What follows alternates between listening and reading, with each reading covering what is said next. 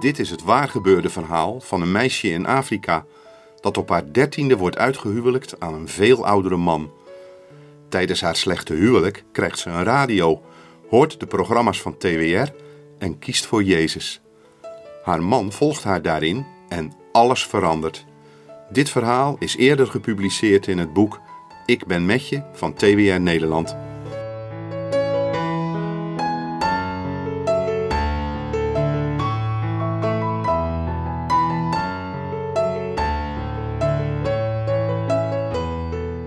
Mijn lichaam veranderde in die tijd zo snel.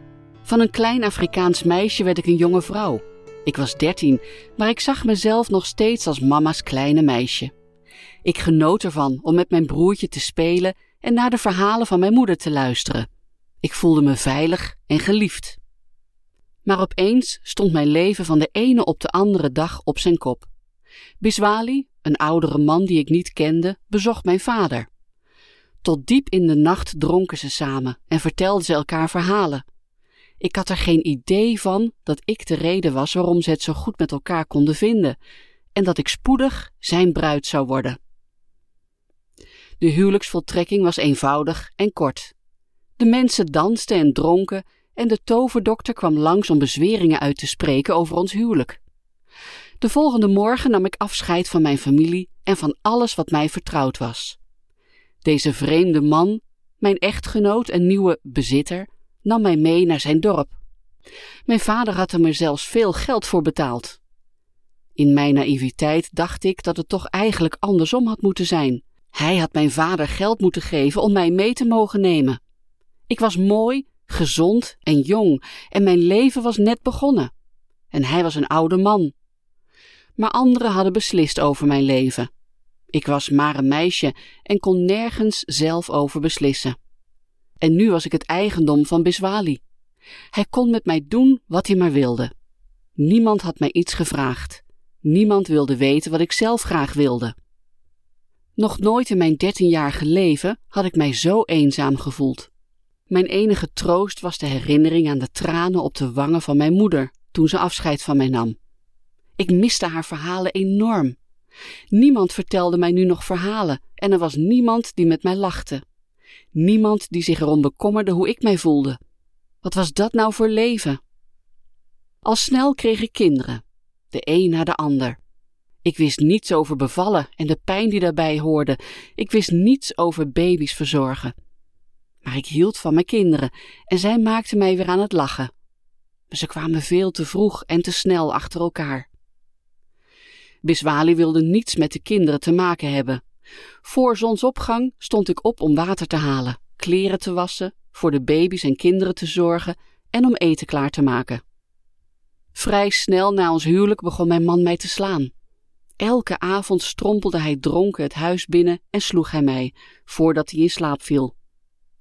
De kinderen kropen in een hoekje van het huis, doodsbang voor wat ze hoorden en zagen. Hij bracht ook veel nachten door met andere vrouwen. Maar ik was niet jaloers. Waarom zou ik jaloers zijn? Het was vaak juist een opluchting dat hij niet thuis kwam.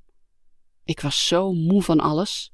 Het slaan, de zware bevallingen, de problemen met mijn gezondheid. Kon ik alles maar ontvluchten. Het allerliefste wilde ik vrij zijn.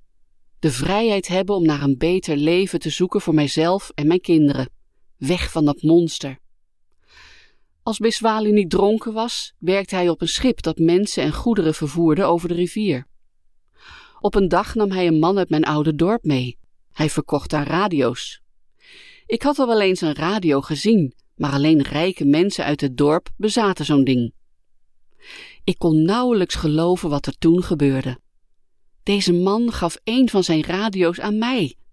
Ik zei tegen hem dat ik geen geld had om een radio te betalen, maar hij zei dat ik hem toch mocht houden. Het was een geschenk, dus ik nam hem aan. Hij vertelde ook dat er mensen in mijn oude dorp gekomen waren die verhalen vertelden over een man met de naam Jezus, een zoon van een grote God. De man vertelde ook dat ik iets over deze man Jezus op mijn nieuwe radio kon horen. En dus draaide ik iedere week aan de slinger van mijn opwindradio, die me al gauw heel dierbaar werd. Ik luisterde naar de uitzendingen met de naam Hoop voor Vrouwen. Het was voor vrouwen precies zoals ik. Hoewel de mensen in mijn dorp dachten dat vrouwen niets waard waren, spraken deze vrouwen van de radio rechtstreeks tot ons en niet tot de mannen. Het leek alsof ze bij mij in huis zaten en om mij gaven, precies zoals mijn moeder dat vroeger deed. En ze vertelden mij verhalen. Ik had het gevoel dat ze mij kenden en mij begrepen. Hun woorden waren als zalf voor mijn gewonde hart. Ze spraken ook over zaken waar ik nog nooit van gehoord had. Ze legden uit hoe je moet omgaan met een kind met hoge koorts en van welk eten een kind sterk en gezond wordt. En daarna spraken ze over deze man, Jezus. Ik begon hun verhalen te begrijpen. Hij kwam om mijn pijn weg te nemen en om mij weer hoop te geven. Ze hadden het ook over een plaats die hemel heet. Een mooie, volmaakte plek waar ik voor altijd bij Jezus zou kunnen zijn, zonder pijn of angst. Ze vertelden over de vrede en hoop die je kon krijgen, vandaag al. Ze legde uit dat elk mens een beslissing moet nemen of hij of zij Jezus in zijn leven wilde volgen. Een beslissing? Ik dacht, nog nooit in mijn hele leven heeft iemand mij een keuze gegeven en nu zeggen ze dat ik een besluit moet nemen? Ik kon bijna niet wachten. Natuurlijk besloot ik voor Jezus te kiezen. Ik wilde heel graag dit nieuwe leven. Daarom deed ik precies wat de vrouwen mij zeiden te doen. Ik ging bidden en aanvaarde Jezus als mijn verlosser. Ik voelde een diepe vrede. Ik keek terug op mijn leven en hoe ik geleefd had. De jaren vol eenzaamheid en pijn konden mij nu niets meer doen. De herinneringen deden geen pijn meer. Alles was nu veranderd. Hoe was dat mogelijk? Mijn gezin en mijn omgeving, alles was nog precies hetzelfde als voor die tijd. Maar ik was niet meer dezelfde. Mijn angsten en mijn depressies waren weg. Ook mijn boosheid op mijn kinderen, mijn buren en zelfs op mijn man waren verdwenen. Ik huilde mezelf niet meer in slaap. In plaats daarvan was deze vrede gekomen. Ik wist dat dit Jezus in mijn hart was, precies zoals die vrouwen van Hoop voor Vrouwen beloofd hadden. Het was ongelooflijk. Na al die jaren had ik eindelijk weer het gevoel te leven. Ik begon liefde te voelen voor alle mensen om me heen. Ik begon te zingen en mijn kinderen de Bijbelverhalen te vertellen die ik via de radio had geleerd. Hoe meer ik veranderde, des te gelukkiger werden zij. En hoe meer ik leerde over gezondheid en voeding, des te gezonder werden zij. De veranderingen in mijn leven hadden niet alleen invloed op mijn kinderen. Vrienden en buren merkten het ook op. Ik begon anderen te helpen en het weinige voedsel dat ik in huis had, deelde ik met zieken. Maar ik wist niet hoe mijn man erover dacht. Hoewel hij mij nog steeds slecht behandelde, klaagde en huilde ik niet meer. Om eerlijk te zijn, lachte ik veel. Ik kon bijna niet anders. Mijn houding was veranderd en dat maakte hem een beetje zenuwachtig. Op een dag was ik aan het eten koken en de kinderen speelden buiten. Ik neuriede een lied dat ik op de radio had gehoord. Opeens zag ik een schaduw bij de deur. Biswali was thuisgekomen. Hij stond daar maar en hij keek mij aan. Hij schreeuwde niet, zoals hij anders deed. Hij sloeg mij niet, zoals ik verwachtte. Dat was zo nog nooit gebeurd. Even later kon ik mijn oren niet geloven toen ik hem hoorde zeggen: Ik heb er spijt van, Mara. Hij had spijt? Nog nooit had ik deze man deze woorden tegen wie dan ook horen zeggen. En al helemaal niet tegen mij. Hij had mij nog slechter dan een hond behandeld. En nu dit? Dat kon niet waar zijn. Maar hij ging verder. Ik zat buiten wanneer jij naar de radio luisterde. Ik heb gehoord wat zij over God vertelde en dat Hij vergeeft wat wij verkeerd hebben gedaan. Ik heb er veel over nagedacht hoe slecht ik tegen jou ben geweest. Ik heb er spijt van hoe ik jou en de kinderen heb behandeld. Het spijt me dat ik je heb bedrogen met andere vrouwen. Jij hebt mij nooit slecht behandeld, terwijl ik er alles voor deed om jou pijn te doen. Ik wil veranderen. Ik heb gezien hoe God jou veranderd heeft. Hij kan ook mij veranderen. Ik werd overspoeld door een gevoel dat ik niet kan beschrijven. Toen sprak hij verder: Ik heb God om vergeving gevraagd en hij heeft dat gedaan. Maar kun jij mij ook vergeven? Ik stond daar en de tranen liepen over mijn wangen. Ik kon niet geloven wat er net was gebeurd.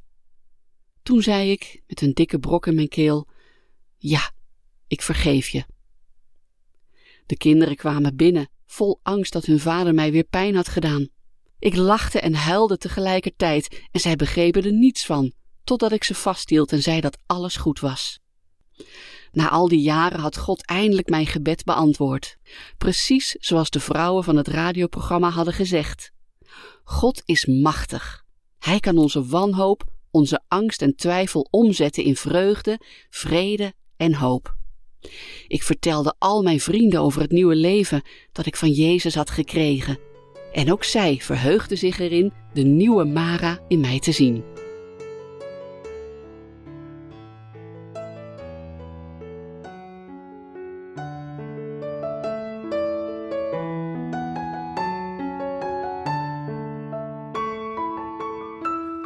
Wilt u het boek Ik ben met je zelf lezen?